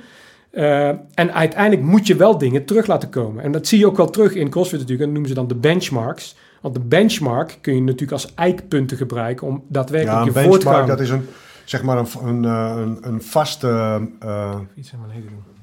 Ja, een vaste eh, oefening. En, en die vaste oefening die kun je Ja. periodiek terug laten komen om Ja. te kijken waar je staat. En En zo hebben wij- of, of Ja. sneller, of zwaarder, Ja. of, Ja. of meer. En of zo hebben wij die bij Ja. 020 inmiddels zelf ook benchmarken. 020 benchmarks eh, noemen we dat dan. Die om de zoveel tijd terugkomen. En daartussen varieer je een programmering. Maar daar heb je wel over nagedacht. Hey, en als je dat dan eh, bekijkt hè, naar, eh, naar onze kijkers en eh, luisteraars die eh, eh, niet in de buurt van een CrossFit box wonen of gewoon al iets doen en zich willen gaan voorbereiden op. Wat zou jouw advies zijn? Hè? Ik, in de vorige podcast heb ik gezegd van nou, eh, zoek zoveel mogelijk dingen op buiten je comfortzone. Eh, doe vooral dingen waarvan je weet dat je er niet goed in bent, om er beter in te worden. En dan moet dat natuurlijk wel enigszins gerelateerd zijn ja, aan wat je, wat je gaat doen. Nou, kijk, weet je, het is... Als je niet goed bent in dammen en schaken en je gaat je daarop concentreren, ja, daar zul je niet heel erg van aan hebben. nee, want dat Anders dan strategisch misschien. Het is natuurlijk eh, uit je comfortzone is natuurlijk een, ook een hele populaire uitspraak. Je moet uit je comfortzone, want daar zit de winst. Ja. Dat is deels zo, maar ik merk nu, na, na, naar, eh, ja, ik word ook oud, bijna 30 jaar onderwijservaring, dat je zegt, ja, maar bij sommige mensen is het heel goed om zo max uit een comfortzone te gooien, letterlijk, en die ervaring op te doen. Probleem is, als je daar een negatieve ervaring krijgt, Ja, kan dat ook in trauma, eh, eh, daarom is onderwijs zo belangrijk. Eh, en daarom is zeg maar wat wij doen in ons onderwijs binnen politie en militaire wereld ook altijd een scenario en een rollenspel waarin je van tevoren precies weet wat jouw rol is. En dat is gewoon wetenschap. Dit is wat er gebeurt. Zo gaan we het doen. Dat wordt geen sparringspartijtje. En dat doe je dus ook in het fysieke eh, trainen. Hè? Dus uit je comfortzone prima. Maar bij de een kun je hè, uit je comfortzone wat trekken en denken, nou, dat komt goed. Hè? Daar krijgt hij een ervaring waarvan hij leert. Bij een ander zeg ik van, nou, weet je wat? Train nou juist vanuit je comfortzone. En vanuit je comfortzone ga je kleine stapjes maken uit je comfortzone. Ja. Maar niet gelijk eh, een leap of faith nemen en, en, en die rots afspringen. Want dat klinkt heel populair. Maar dat gaat natuurlijk ook 9 van de 10 keer gewoon mis. Snap je? En daarom het verschil. En, en dat is dan een tip die ik ook mensen wil geven. Als je je wil voorbereiden. En jij zei het net ook, hè, je pelotonscommandant. Luister naar ervaring. En in Nederland is dat, is dat echt iets. Ik denk dat het typisch Nederlands is om het niet te doen. Om juist ervaring. Een soort van ja. Kijk, en ik ben er ook voor. Mensen moeten hun eigen fouten kunnen maken, moeten hun eigen onderzoek kunnen doen. Allemaal prima. Maar ik ben ook niet voor niks voor dat stukje naar Tony Blauwer gegaan. Ik denk, ja, dat kan ik zelf misschien. Maar ga dan naar een autoriteit om dat te ondervinden. Ja. Ik heb ook gezegd, ik, de, eh, de, de, de, de basisdoctrine van CrossFit door Greg Glassman ontwikkeld. Ja, daar sta ik 100% achter. Kan ik, wel, kan ik het wel strength and conditioning gaan noemen en zelf gaan doen. Maar die credits horen ook waar ze eh, te liggen. Alleen door je ervaring krijg je wel een eigen visie op het geheel die je ontwikkelt. Ja. Dus die mensen moeten gewoon een mentor en een trainer zoeken en ervaring zoeken. En dan moet je gewoon je onderzoek doen, hè? Gewoon je onderzoek doen. Waar moet ik zijn? Ja, ik denk dat mensen dat heel erg onderschatten. Want ik heb zelf ook eh, regelmatig in alle eh, fases van mijn leven heb ik coaching eh, ingezet. Ehm, ik vind het eigenlijk belachelijk dat als jij denkt dat je op een hoog niveau wil komen, dat mensen nog steeds denken dat ze daar zelf zouden kunnen Ja. komen. Want een topsporter gaat ook niet in zijn eentje Nee. zitten aanklooien. Nee. Dus als jij op een bepaald niveau wil komen, of nou in, in het bedrijfsleven, in de sportwereld, in, in- binnen het arrestatieteam komen, wat dan ook, zoek de juiste mensen om je heen. Ja. Zoals Jeroen ook eh, vorige week ook al zei. Maar En, en zoek die kennis op. Maar dat, ik, Ja. dat, dat is, het is wel lastig, Ja. heb ik zelf ervaren. Want het kost veel onderzoek. Je moet, je moet gaan graven. Oké, Nou, wie- tegenwoordig waar- is het natuurlijk makkelijker. Hè? Kijk, vroeger, ja, wij, wij moesten nog op de, eh, in de auto stappen of op de brommer stappen om echt ergens naartoe te gaan. Maar wat er moeilijker aan is tegenwoordig, is dat er zoveel kennis, Ja, zoveel te vinden is, dat het juist ook weer moeilijker wordt. Ik noem het het McDonald's effect. En dat betekent, en dat zeg ik in, in tactische training, in, in, in eh, fysieke training, is dat als je op de huis... Die test is gedaan, op de huisuitboors ooit jaren terug, gingen mensen rondlopen en die hadden een stukje hamburger van McDonald's en die hadden een, een, een grass-fed, free-range hamburger van de slager. En 9 van de 10 kozen de McDonald's hamburger als lekkerdere hamburger. Ja. Onze smaak is compleet bedorven op het gebied van wat nou kwaliteit is. Snap je? Dus het is inderdaad moeilijk om door de bomen het bos te zien en daarin je keuzes te maken. Maar daarom moet je dus inderdaad goed je onderzoek doen. En via onderzoek en via ervaring kom je ook weer bij andere mensen terecht. Dus dan kom je uiteindelijk op het juiste pad terecht. Wat zou je aan mensen adviseren als zij op zoek gaan naar coaching, behalve het onderzoek doen? Eh, ik zou zeggen, begin bij Google. Ja, Nee, maar het, we- die, zo simpel is het wel. Hè. Kijk, Ja. als je kijkt naar, ik zoek een goede, me- als je, je wil allemaal een goede mentor of een goede trainer coach. En dat kan ook specifiek op een onderwerp zijn. Hè. Dus eh, wil je een algemeen mentor die jou helemaal kan begeleiden? Of zeg je, ik heb alleen een fysieke trainer nodig, heb alleen dat. Dus kun je een beetje specificeren. Maar dan is het heel simpel. Dan moet je een competent iemand hebben. En wat is competentie? Iemand met een gedegen basisopleiding, eh, waarop de juiste ervaring is gestapeld. En die wat gepresteerd heeft voor zichzelf en met anderen. Nou, dat is relatief simpel te checken in een cv ja. of online. Ja. Eh, en, en dan kom je in persoonlijk contact er wel achter of dat ook echt zo is, bij wijze van. En door anderen kom je er ook wel achter. want ik kan me voorstellen dat de CrossFit is natuurlijk heel hard eh, gegroeid. Hè? Ja, En, ehm, maar het is ook een sport die eh, heel erg blessuregevoelig is.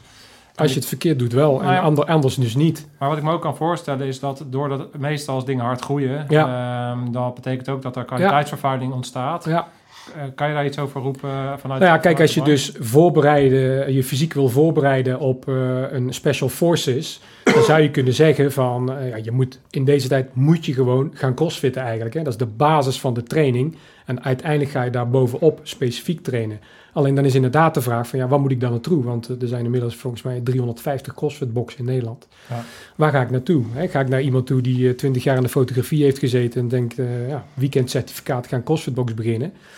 Die overigens, eh, als die zijn missie of zijn roeping gemist heeft, eh, ook de juiste persoon kan zijn. Ja. Aan de andere kant eh, kun je zeggen, nee, ik zoek een, eh, een, een daadwerkelijk ervaren, competente coach. Dus daarin moet je wel een beetje, een beetje onderzoek doen waar je naartoe gaat. En kijk, de, je, je, laat het zo zeggen, het is te simpel om te zeggen van, ik, typ Google in en de dichtstbijzijnde CrossFit-box of de dichtstbijzijnde trainer, dan ga ik daar naartoe. Dat zou te kort door de box zijn. En, dat wil, en, en inderdaad, kwaliteitsverschil is eigenlijk enorm in Nederland. En dat is ook, dat is ook waarom ik eh, veel coaches en boksen begeleid, zeg maar, in hun coachen en in hun programmeringen. Om, om, dat, om die kwaliteit wel, eh, wel op te hogen, zeg maar. Hè, tot een niveau te brengen dat je zegt, ja, daar, daar kun je ook mensen naartoe sturen. En die zijn er natuurlijk wel, hè. Die boksen zijn er, alleen je moet ze wel weten te vinden, inderdaad. Ja. Wat ik, eh, wat ik een grappig, vo- v- grappig, maar wat ik een mooi voorbeeld vind, is dat eh, eh, bij jullie eh, traint de, de fitste eh, commando. Ja, we gaan niet bij naam noemen natuurlijk. Nee, uiteraard toch een niet, beetje maar- beschermen. Ja, dus die, eh, die jongens die hebben dan een soort eh, competitie eh, jaarlijks. En, eh, en de fitste die traint bij jou. Ja. Maar dat is niet de fitste crossfitter bij Nee, 020. dat is wel mooi. Hij wordt wel steeds fitter omdat hij ook de sport crossfit eh, zeg maar wil gaan beoefenen. Dus ik voorspel nog wel dat hij echt wel eh, max gaat groeien. Dus een veer is een reet eh, op dit moment. Ja, en hij eh, kan het waarschijnlijk eh, niet handelen dat eh, anderen beter zijn. Nou, ik- hij is wel een eh, goed, eh, wat dat betreft een eh, Beetje- niet naast zijn schoenen, geen ego. Dus ik heb eh, Beetje softe commando. een beetje zeg soft maar. commando. Ja, maar Zoals hoort te zijn. ja. Wat wij ook altijd zeiden is als, als iemand sterker was op een sportonderdeel, dan zeiden we altijd van ja, maar dan moet je, moet je hem even een rugzak omhangen. Dan eh, zakt hij door zijn poten Ja, heen. Ja, Precies. eh, Maar het is natuurlijk zo. Kijk, cross, crossfit, het blijft specifiek. Het heeft niks met tactisch vermogen te maken, uiteraard.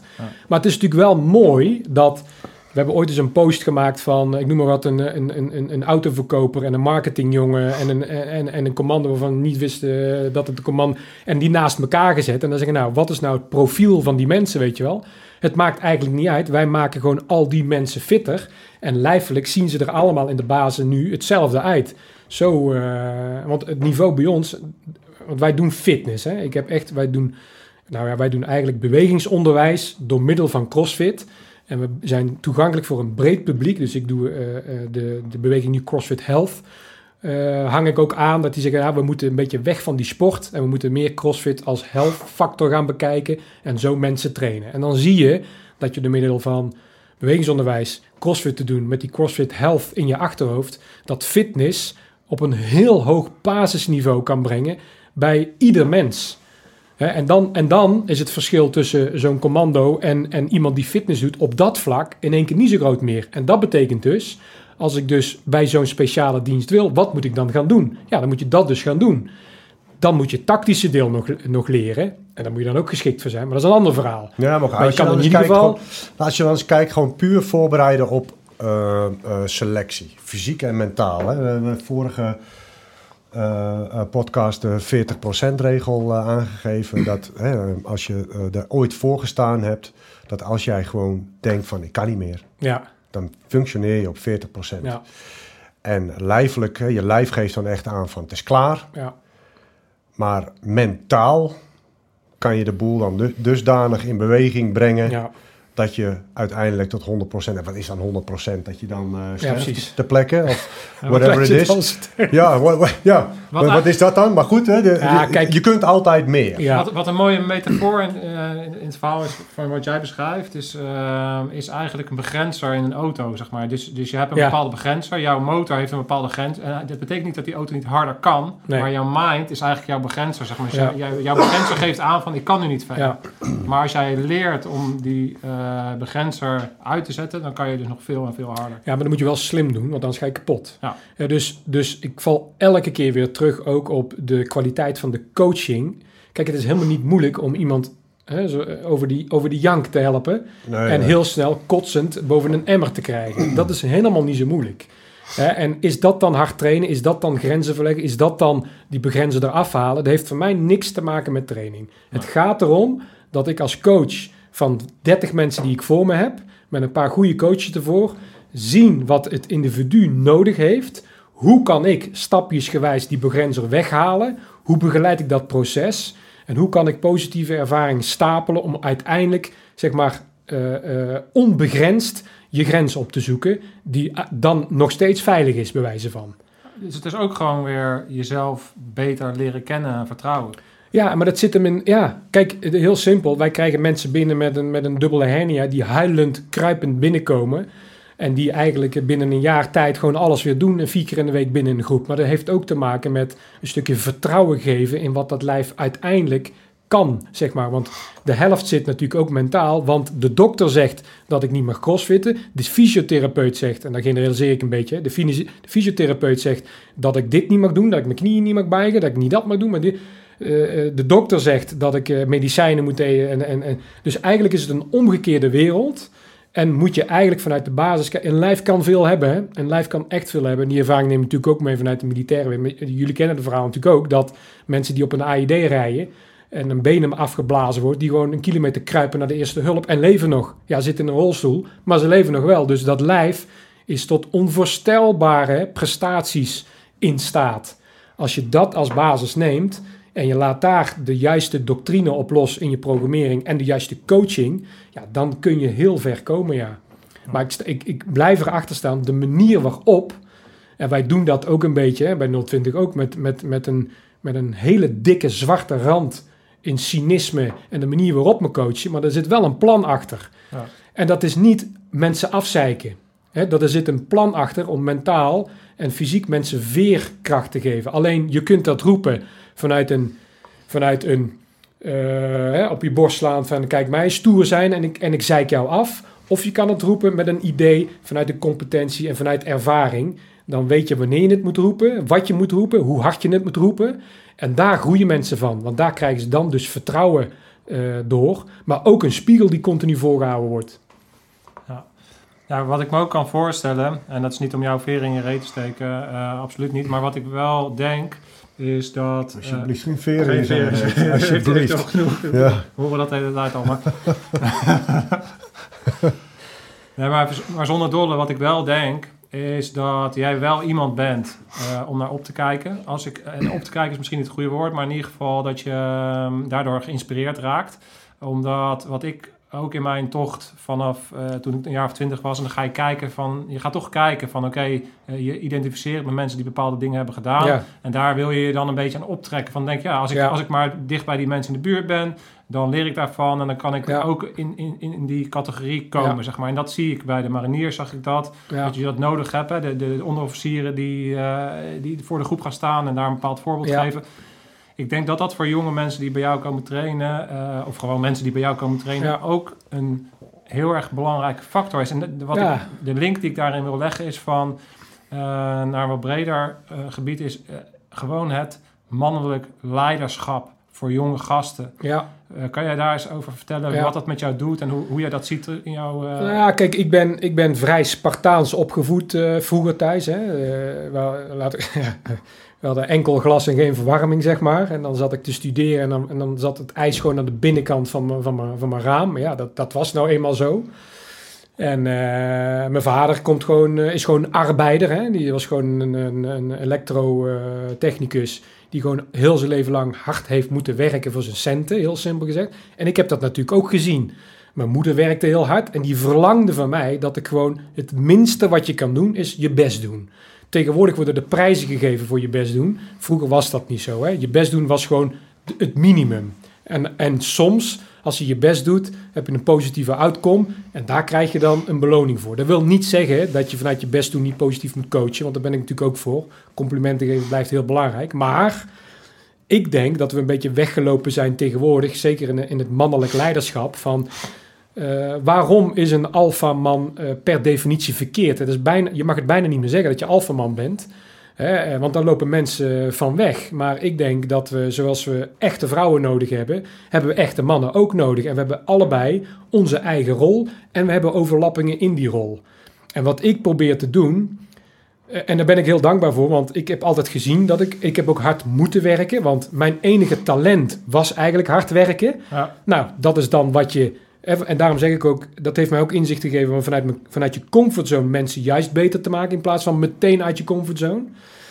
Eh, dus hard werken is mijn talent. En vanuit het hard werken is, zijn andere, is competentie gekomen eigenlijk. Ja. En zo probeer ik ook andere mensen te coachen. Hè, de coachesprogramma's die ik nu heb, dan lopen mensen een dag met mij mee. Maar mijn dag duurt gewoon 17 tot 20 uur. Dat is één dag.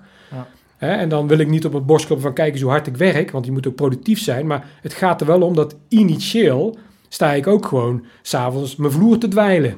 ja. Snap je? Maar dat, En- is, dat is precies wat, en wat laat je gewoon- met, eh, met, met mannelijk leiderschap. Is, Ja. is dat je dat laat zien en dat, jij, dat Ja. jij ook laat zien van jongens, als jullie echt iets willen wat de Ja. moeite waard is, Ja, dan is dat niet iets wat je eh, zomaar geregeld krijgt. En Nee. Ik kan me voorstellen dat, dat tegenwoordig natuurlijk alles in handbereik is. ja, En dat we ook mensen op jonge leeftijd wat weerbaarder moeten maken voor het feit dat als je iets wil, dan kost dat gewoon een hoop energie. En dan ga je tegen, tegenslagen tegenkomen. ja. En, en inderdaad, daaraan vastgekoppeld zit dingen half doen. Hè?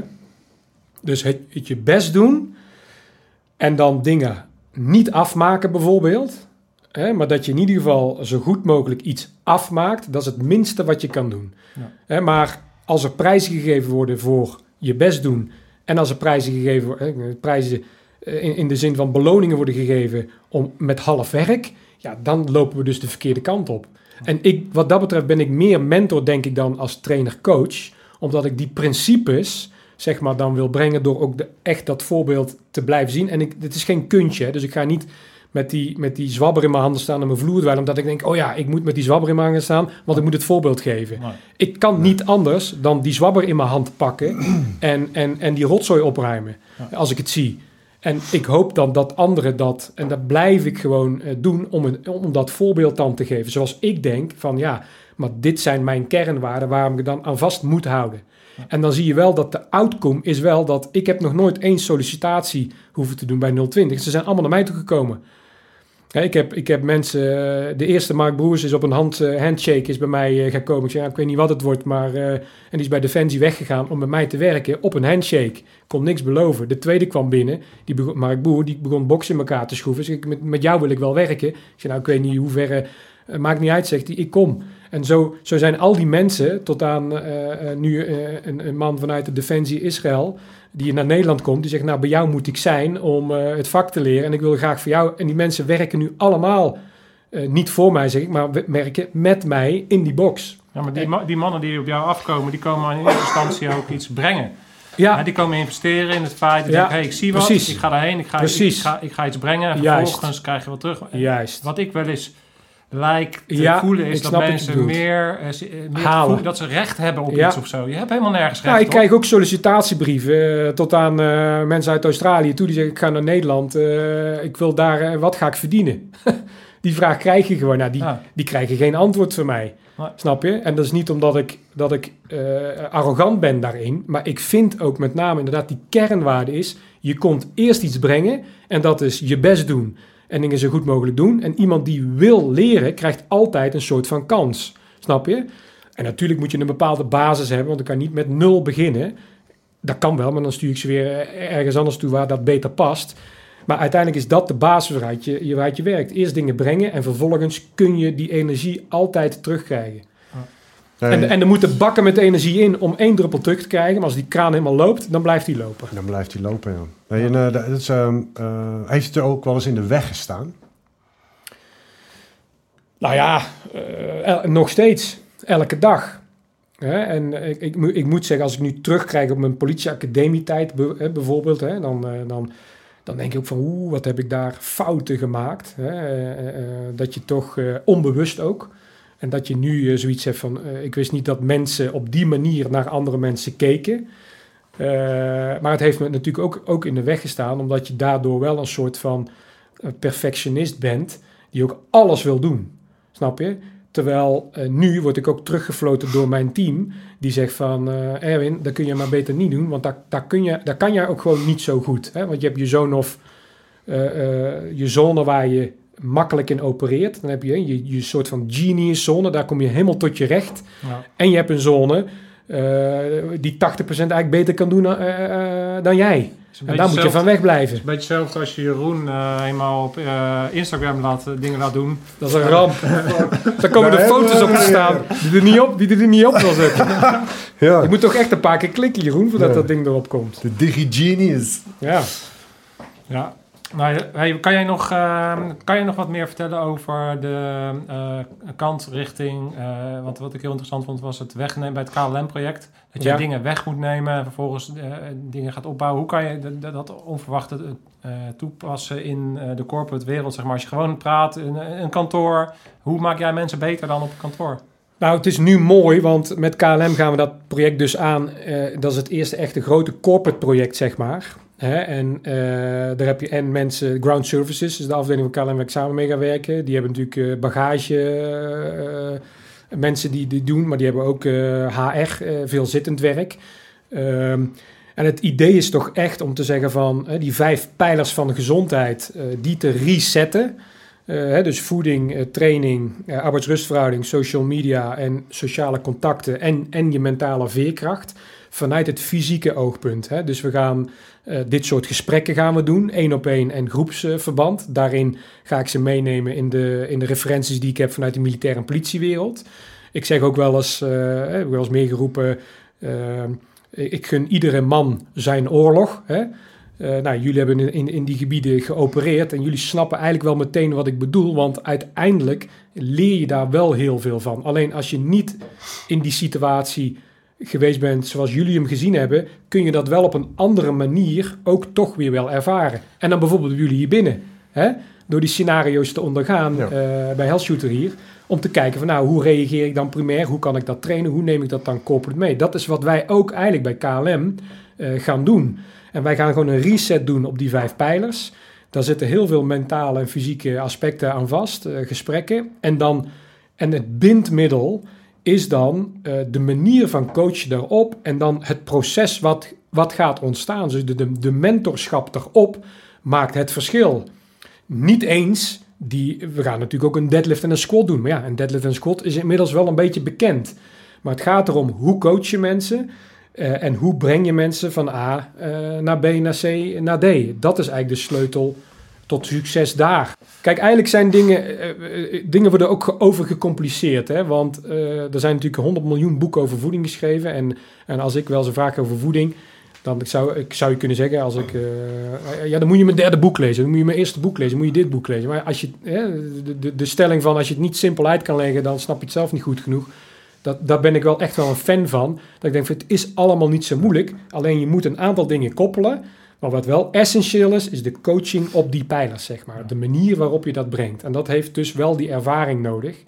En dat blijkt nu een beetje als een puzzelstukje in elkaar te vallen. Dat je van die politie en de militaire wereld dingen meeneemt. Die je dan als een blauwdruk legt op die fysieke arbeid. Vanuit mijn topsport uh, neem ik weer andere dingen mee. Uh, ik heb ook relaties met die mensen uit die verschillende wereld. Dus als ik het niet weet, ga ik gewoon Jeroen bellen. Bij wijze van Jeroen, hoe zit het met dit, hoe zit het met dat? En zo kom je dus tot een, tot een product. Ja. Alleen het is... Ik kan ook niks anders. Ik zeg, laat mij geen kap... Ik heb ooit eens een, proberen een kapstok op te hangen. Toen lag de muur er bijna uit, maar de kapstok hing nog niet. Dus mijn idee nu is, als er één klusje moet gebeuren, hoe simpel het ook is bij mij in huis, ik roep er gewoon iemand bij die dat voor mij doet. Want ik kan dat niet. Ik kan het wel proberen, maar dan zit je ego erg in de weg. Van ja, dat kan ik zelf wel. Alleen als je, als je het materiaal al niet hebt, nou, dan wordt het echt een ramp. En dan achteraf kom ik erachter, had ik het maar niet gedaan. Nou, daar ben je gelukkig al vaak genoeg tegenaan gelopen om die les te leren. Precies. Want, want dat herken, uh, herken ik ook heel erg. Ja. Ik, heb, ik heb hetzelfde ook. Doordat je ook zo graag uh, zelf dingen wilt en ook vaak dingen uiteindelijk wel goed kan, omdat je gewoon een doorzetter bent, ja. is, is je grote gevaar dat je dus alles wil. Precies. Terwijl er uiteindelijk gaan mensen zijn die dingen En het voordeel is wel dat uh, dit vakgebied is het enige wat ik kan. Hè? Politie, militair trainen, fysiek trainen, mentaal, alles eromheen. En dat is eigenlijk wat ik... Ik heb het voordeel dat ik op mijn vijftiende wist wat ik wilde. Ik wilde na de HAVO, wilde ik gewoon sportacademie doen. Ik wilde politieman worden, ik wilde militair worden. Ik wilde topsport gaan doen. En ik wil, eigenlijk zag ik toen al wat ik nu doe. Ja. En dat is natuurlijk ook niet iedereen gegeven. Dat is eigenlijk ook een beetje een zegen dat je denkt, nou, je bent een van de gelukkigen die toen al wist wat hij wilde. En waar dat nou vandaan komt, weet ik niet. Maar daar heb ik wel nu 30 jaar in geïnvesteerd. Hey, is, is, is het een uh, toeval dat uh, het bedrijf waar je nu gaat starten KLM is? Want wat ik wel uh, benieuwd ben, is dat KLM met al zijn processen en de manier van aansturing binnen KLM, denk ik wel dat er heel veel raakvlakken zijn met de militaire wereld. Nou, ik denk dat dat ook, kijk, je moet ook een doosje geluk hebben. En dat is dan ook weer geluk, maar geen geluk. Er lopen een aantal mensen bij mij bij 020 als lid al rond, die bij KLM Ground Services werken. En ik heb ooit eens iemand gesproken en die zegt, ja, goh, die, dat ziekteverzuim is toch wel een, een beetje een probleem. Hè? Mensen, eh, mensen doen fysiek zwaar werk, mentaal werk of veel zittend werk en daardoor hebben we dus problemen. En toen zei ik van nou, ik los dat op voor jou. zei ik dus tussen neus en lip. En toen is het gesprek ontstaan. Maar dat komt alleen maar omdat er drie, vier mensen al waren die bij mij trainden. Die merkten gewoon van wat het voor hun heeft gedaan. Dan kom je in gesprek en dan blijkt in één keer van hé, hey, maar dit kan een heel mooi traject worden. Ja. dus we gaan in februari beginnen met 20 mensen. Drie maanden reset. En vervolgens uh, proberen we dat een ongoing uh, iets te maken. Uh, on-site zelfs bij KLM. waarin we die mensen gaan coachen. Hey, uh, wat mij heel erg interessant lijkt, zeker omdat dit een beetje de eerste stappen zijn in die corporate uh, wereld ja. op deze manier, om misschien uh, meteen een, te kijken of je ooit een keertje terug wil komen om daar eens over te vertellen over die ervaringen. Absoluut. Hey, en um, wat ik, we gaan een beetje richting de, de afronding. zijn er dingen die wij nu nog niet besproken hebben, die jij heel erg graag met ons zou willen delen of met de kijkers? wat je heel belangrijk vindt? Zit jij te lachen? Of zijn er nog dingen die Nou ja, dat is natuurlijk wel- willen weten van Erwin? Ja, het vervelende is, ik weet eigenlijk al heel erg veel over Erwin. Te veel. Maar, eh, Maar wat dus weet, ik ben, nou wat heel weet benieuwd, ik ben niet? nou heel benieuwd hoe hij deze vraag gaat beantwoorden. Nou, Kijk op, nee, nee. Maar welke vraag? weet het nee oh, ik zo. ben gewoon nieuwsgierig. Oh. ja, wat wil, kijk, wat wil je zeggen? Wat wil je zeggen? Kijk, ehm, Ja, wat wil je zeggen? ja. Ja. Ja, ik, ik denk... eh, kijk, de, de, de, de, een aantal quotes, zeg maar, die ik echt wil gebruiken om... eh, want we praten natuurlijk richting voorbereiden. Hè? Wil je bij de speciale diensten? Hoe kom ik daar? Wat moet je doen? Ja. En wat zijn de overlappingen naar... Ja, laten we dat vooral niet vergeten. De, burger, Hè? de burgermaatschappij. Ja, gewoon, maar, Dan en, moet je- en ook de, de, gewoon de persoonlijke groei. Ja, precies. beter ja, worden. persoonlijke groei. Ja. Ja, da- dan, dan, dan, dan moet je gewoon een bepaalde kerneigenschappen moet je gewoon eh, eh, continu blijven doen. Hè? Dus consistentie in de juiste dingen doen is dan het belangrijkste. Dus dat, dat betekent, we hebben het net gehad over de basis is hard werken. En als je hard werkt zonder resultaat, moet je niet gelijk gaan zeuren en zeggen van ja, maar ik heb het toch mijn best gedaan. Nee, dat moet je niet, niet één jaar doen, dat moet je niet twee jaar doen, dat moet je waarschijnlijk 20, 30 jaar doen om tot een niveau te komen dat je denkt, ja, ik heb er alles uitgehaald. Ja, aan de andere kant kun je zeggen, ja, neem het allemaal niet zo serieus, is prima. Dan moet je met, met een dosis humor moet je dat zeker doen. Maar dat ik bedoel, binnen de clubs zijn jullie ook niet anders gewend dat daar eh, de zwarte humor over tafel rolde en, en het Ja. elkaar afzeiken in die zin eh, eh, je alleen maar sterker maakte. Alleen dat is ook een specifieke humor waar ik heel erg van hou, anderen weer niet. Maar die humor brengt zeg maar ook een soort van relati eh, Relativeringsvermogen. relativeringsvermogen binnen dat hele proces. Ja. Maar, Maar het is dus zou- in feite gewoon heel simpel, eigenlijk wat je zegt, heel simpel. Het is gewoon hard werken. Dat, dat is de basis. En het is niet direct resultaat verwachten. Nee, En als jij denkt Brengen. dat het resultaat te lang op zich laat wachten, moet je harder werken. Of misschien eens om je heen gaan kijken en delen met mensen die er verstand van hebben wat je aan het doen bent. En misschien Ja. word je dan wel op een ander pad neergezet ja. En vol blijven houden. Dus dan gaan we naar de eerste aflevering, Ja, gedrevenheid. Ja, Ja. En eerlijk zijn tegen jezelf. Want als jij Ja. zegt van ja, ik heb, eh, ik heb mijn best gedaan en ik heb het niet gehaald. Ja, wees dan ook gewoon eerlijk tegen jezelf. En durf ook gewoon een keer te zeggen van ik ben ergens, ergens gewoon niet goed in. Ja, Oké, het is niet goed Oké, genoeg. het is niet goed genoeg. Dus Ja. dan heb ik een keuze. Of ik Ja. ga het uitbesteden. Of Ja. ik ga manieren bedenken om beter Ja. te worden. Ja. En wees gewoon eerlijk naar waar je staat en Ja. wie je bent. En, en ga vanuit daar. En hoe eerder je dat ego los kan laten uiteindelijk, Oh, hoe, ego. s- hoe sneller je groeit. Wordt ook nog een leuk onderwerp. Hè? Ik heb- ik heb er in mijn judo- ego, heb jij een ego? Hoe is Nou, het met ik- jouw ego? nou ja, ik rij een hele grote auto, Jeroen. Godverdomme, hij uit de Moet je? Dat past mijn ego niet in. Nee. Moet je, iets, je hebt iets te compenseren, begrijp ik. Eh, nou nee, want als ik nu... de, de- laat, laat ik zeggen, de overheid steekt daar ook een stokje voor. Maar ik rij een, een pick-up en dat is eigenlijk een groot rijden eh, relatief goedkoop. Dus ik, ben, ik denk dat ik er heel slim in ben. Ik, maar ik, dat maakt Nee, niet maar uit. Laten we het niet over jouw auto hebben. Nou, de, de, ego, ego. Ik heb, het heeft me wel, in mijn- in- toen in mijn topsport, toen ik topsport ambieerde, heeft me wel dermate in de weg gestaan. Ik verloor altijd van dezelfde tegenstander en dat was altijd op een scheidsrechtersbeslissing. En wie gaf ik de schuld? Mijn tegenstander en de scheidsrechter. En dat duurde echt twee, drie, vier jaar, totdat ik ergens een keer dacht, ja maar als ik twintig keer van dezelfde man verlies, al is het maar op scheidsrechterbeslissing, en ik geef continu de scheidsrechter en mijn tegenstander de schuld. Misschien ligt het toch niet aan de scheidsrechter en de tegenstander, ligt het toch echt aan mij dat ik gewoon net iets minder goed ben, wat je net zegt, weet je wel. Oh. En toen ik dat kon erkennen, toen pas kwamen eigenlijk, zeg maar, in het judo mijn, mijn, mijn nationale medailles. Want toen dacht ik, ja, nu kan ik dat loslaten. Ik moet iets doen, eh, waardoor ik dus wel daar net voorbij kom. Ja, en je hebt heeft- niks, eh, uiteindelijk niks gedaan met die scheidsrechter, zeg maar zo. eh. Nee. nou, jij weet dat de politietijd, de politieacademietijd was een hele roerige tijd voor mij. Ja. Dat ik ook wel eens eh, thuis zat, zeg maar. Maar, en vandaar ook deze. Je sluit elke dag compromissen eigenlijk, hè. Alleen no compromise op de doelstelling die je hebt. Dus als je je doel stelt, ik wil bij die speciale diensten terecht te komen, dan zal dat met elke dag met compromissen, succes en negatieve ervaringen zal dat gepaard gaan. En die lijn is natuurlijk, eh, zoals je ziet in de social Ja. media, heel Ja. erg gekarteld en terugval. Maar uiteindelijk heb je een doelstelling die daar ligt. En dat is waar No hij- compromise. waar- die no compromise staat. Geen compromise op, op jouw kwaliteit en op de kwaliteit die je wil bieden. Geen kwaliteit in, in de manier waarop jij dingen beleeft en hoe je ze wil beleven. En in de behandeling dan naar anderen, weet je wel. Zo van, oké, als ik zo behandeld te worden, dan moet ik dus ook andere mensen zo behandelen. eh, in alle lagen van, eh, van wat ik doe. That's it. Ja, ik denk dat dat eh, enorm eh, krachtig eh, advies is voor iedereen, eh, iedereen die er kijkt. Ja, en een mooie afsluiter. Een hele mooie afsluiter, dus daar gaan we bij houden. Is ja. het al zo laat? Ja, het is alweer, dit gaat... We hebben speciaal voor jou al de aflevering verlengd. Hè? Goed. Ja, ik praat veel, zeg Jeroen altijd. Maar als die vent, als die vent per woord betaald eh, zou worden, dan, eh, dan was hij nou max een miljonair geweest. Ja, precies. Maar eh, dit, zal niet, eh, dit is de eerste. Het zal zeker niet de laatste zijn, eh, Erwin. Eh, eh, bedankt voor je prachtige verhaal. Eh, ik denk dat het heel goed is om eh, volgende keer een aantal onderwerpen eh, die we nu de revue hebben laten passeren, iets eh, te specificeren en eh, de diepte mee in te gaan. Eh, ja, Ja. ik, eh, Ik zou zeggen, eh, lever, je- blijf jullie input leveren. Eh, wij genieten er enorm van om eh, alle reacties te zien, eh, binnen te krijgen. Eh, we proberen overal op te reageren, we schrijven alles op. En wij gaan eh, ja, rammelen met onze eigen kadavers. Succes, goed initiatief. Ja, en, eh, en wat eh, gewoon, eh, je hè, jongens, eh, als je ervoor gaat, no fucking compromise. Zo is het. Scherpschutters. Uit.